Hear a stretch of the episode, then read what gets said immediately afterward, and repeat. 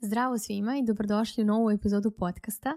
Ja sam Nada Fogt i moja želja je da ti predstavim iskreno na jedan jednostavan, savremen i održiv način.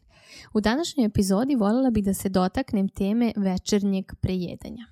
A, za početak jedno pitanje tebi koji ovo slušaš, da li si se ti ikada a, prejedala i da li ti to radiš?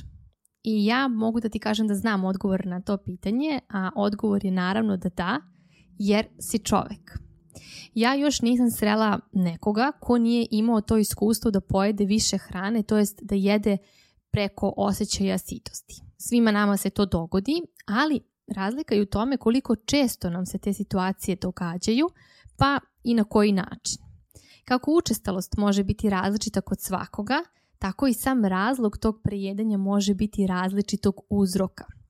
Tako da s tim u vezi postoji nekoliko običajnih razloga zbog kojih se ti možda prejedaš.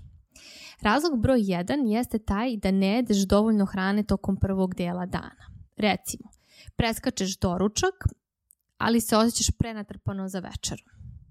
U tom slučaju, doručak bi mogao biti odgovor na to da sebi omogućiš da se uveče ne prejedeš hranom, to jest da nemaš makar tu fizičku potrebu da jedeš preko osjećaja sitosti. Možda će biti teško tog prvog dana kada si super sita od prethodne noći, ali pokušaj da pojedeš nešto kako bi ušla u bolji ritam sa obrocima. Isto se odnosi i na dozvolu da imaš užine tokom dana. Recimo, meni se često dogodi u radu sa, klijent, sa klijentima da dođemo do zaključka da prave veliku pauzu između ručka i večere i onda kada dođu u kući jedu mnogo više hrane nego što žele. I to je jednostavno sasvim normalno da se dogodi, jer kada smo pregladnili i ignorisali osjećaj gladi, bilo namerno ili bez namere, naše telo traži hranu i onda se zaista događa ta situacija da kada uveče kreće epizoda sa hranom, a vrlo često bude u miksu sa uverenjima u vezi sa dobrom i lošom hranom i onda kada se uplete tu još i griža savesti, ode to sve do vrlo neželjenih granica. Zatim drugi razlog je da možda ne jedeš hranu koju voliš. Uporno jedenje bezukusnih obroka, jer tako misliš da treba i mora, rezultirat će i više nego sigurno ka pojačanoj želji za drugom hranom i onda naravno samo je pitanje trenutka kada će biti faza jedenja svega i svačega. Posebno kada je situacija da sediš recimo u krugu prijatelja, kolega ili kod svoje kuće sa porodicom, oni jedu neku drugu hranu, a ti sebe primoravaš da jedeš nešto što ti uopšte nije ukusno, ali jedeš samo zato što to tako treba i misliš da je to najbolja opcija za tebe. Onda ovo prejedanje koje se javi kao posljedica jedenja neukusnog obroka, uopšte čak i ne mora da bude prejedanje nekim takozvanim zabranjenim namirnicama. Može se ispoljavati samo kao potreba da se nekontrolisano unosi velika količina hrane u sebe. To može recimo biti sveže povrće. Jednostavno samo se javlja taj čin jedenja van kontrole, takozvanog haotičnog jedenja i taj osjećaj potrebe da se dohranimo jer obrok koji smo jeli nije bio dovoljno ukusan. I ovo me počeo na situaciju sa jednom klijentkinjom koja je imala ovaj problem. Prejedala bi se a, određenim obrocima, jela je recimo krastavac sa humusom ili nekim krekerima od bademovog brašna, a, treća opcija je bila banana sa jogurtom. I to su sve nutritivno hranljive namirnice. Ali upravo to ponašanje je bilo isto. Osjećala se van kontrole u vezi sa hranom jer nije jela hranu koja nju najviše zadovoljava. A zadovoljstvo je ključna stvar koju sebi moraš da dozvoliš kako bi bila u stanju da poštoješ svoju glad i sitost. I ovdje ne mislim na zadovoljstvo kako se pogrešno koristi u smislu što ljudi prejedenje hranom nazivaju zadovoljstvo. Tu zaista nema nikakvog zadovoljstva, sem osjećaja nezadovoljstva usled ponašanja i osjećaja neprijatne punoće stomaka. Zadovoljstvo je uživanje u ukusu hrane koju jedemo u adekvatnoj količini. Nema ništa lepše od jedinja nama ukusnog obroka u optimalnoj količini nakon koje se ne osjećamo tromo satima ili da moramo da ispijamo 3 litre vode da se oporavimo. Dakle, zadovoljstvo nije u kvantitetu hrane koju jedemo, zadovoljstvo je u kvalitetu.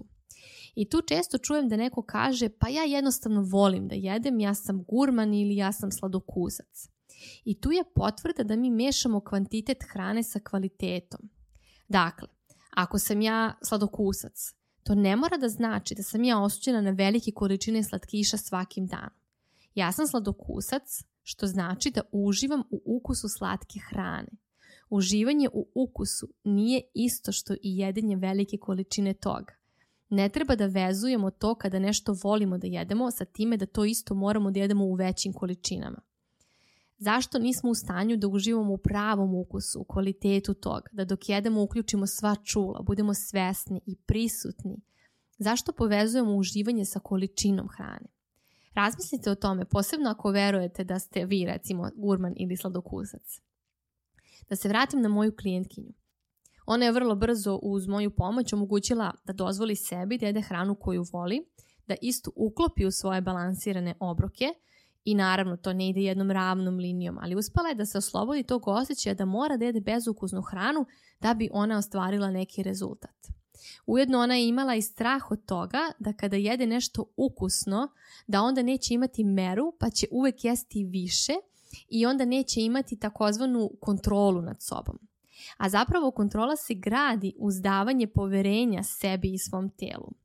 Ok, nekada ona kao i svi mi poješćemo nečega više i to svesno, pa i meni samoj se dogodi naravno da pojedem nekada više neke hrane u datom trenutku. Sve je to normalno i ako se to i tebi dešava, prva stvar je da prihvatiš i da razumeš da se to dešava svakome, a druga stvar je da naravno otkriješ koji je tačno kod tebe uzrok toga. Kako bi i mogla da radiš na tome da te taj vid ponašanja ne zarobljava u lošem odnosu prema ishrani.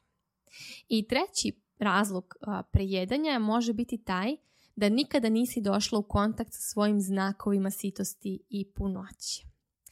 Da li recimo ti zapravo znaš kakav je osjećaj biti udobno sit i punog stomaka, a kakav je osjećaj biti prepunjenog stomaka?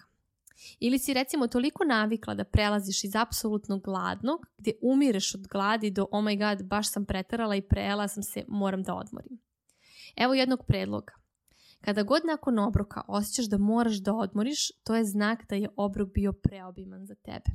Naravno, ovdje ne treba mešati normalan osjećaj umora, posebno u večernjim satima, koji je svakako očekivan, već mislim zaista na onaj osjećaj koji je opet svako od nas iskusio, a to je da kada pojedemo obimniji obrok, javi nam se taj osjećaj da imamo potrebu da malo duže sedimo kako bi se to stvarilo, pa da onda a, idemo i nastavljamo dalje.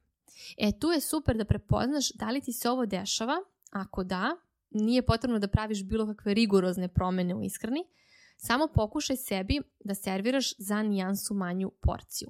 To jest zapravo serviraj porciju kako misliš da bi ti prijela, ali dok jedeš, jedi svesno i obraćaj pažnju na taj a, znak sitosti. Kada osjetiš i proceniš da ti je dovoljno, bez obzira što se u tvom tanjiru nalazi još hrane, ti stani, sačekaj.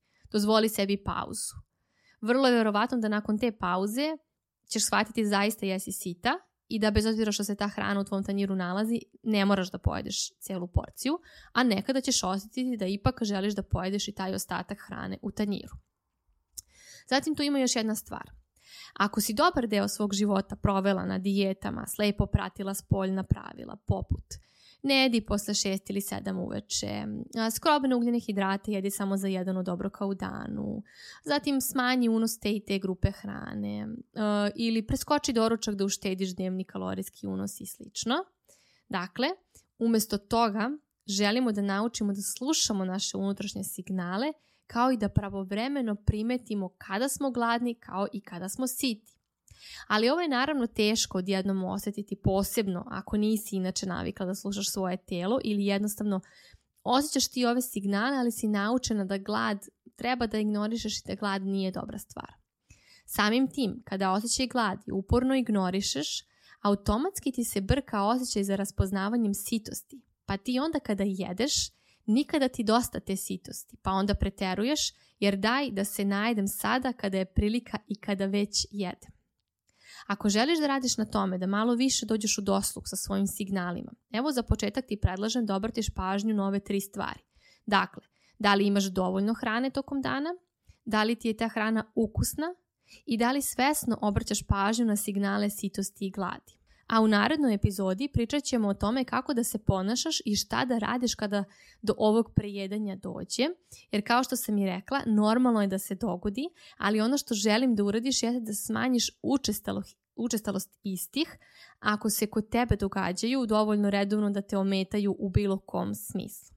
I za kraj, ako misliš da ti je potrebna pomoć, ako se boriš sa ovim problemom dugo i veoma te opterećuje, i ako se osjećaš bezizlazno iz ove situacije, uvek možeš da se prijaviš na moj coaching gdje radimo na tome da izgradiš poverenje u svoje signale uz koje onda možeš da ideš normalno, bez dijeta, bez praćenja plana ishrane i da jednostavno osjećaš kontrolu nad sobom i svojom ishranom.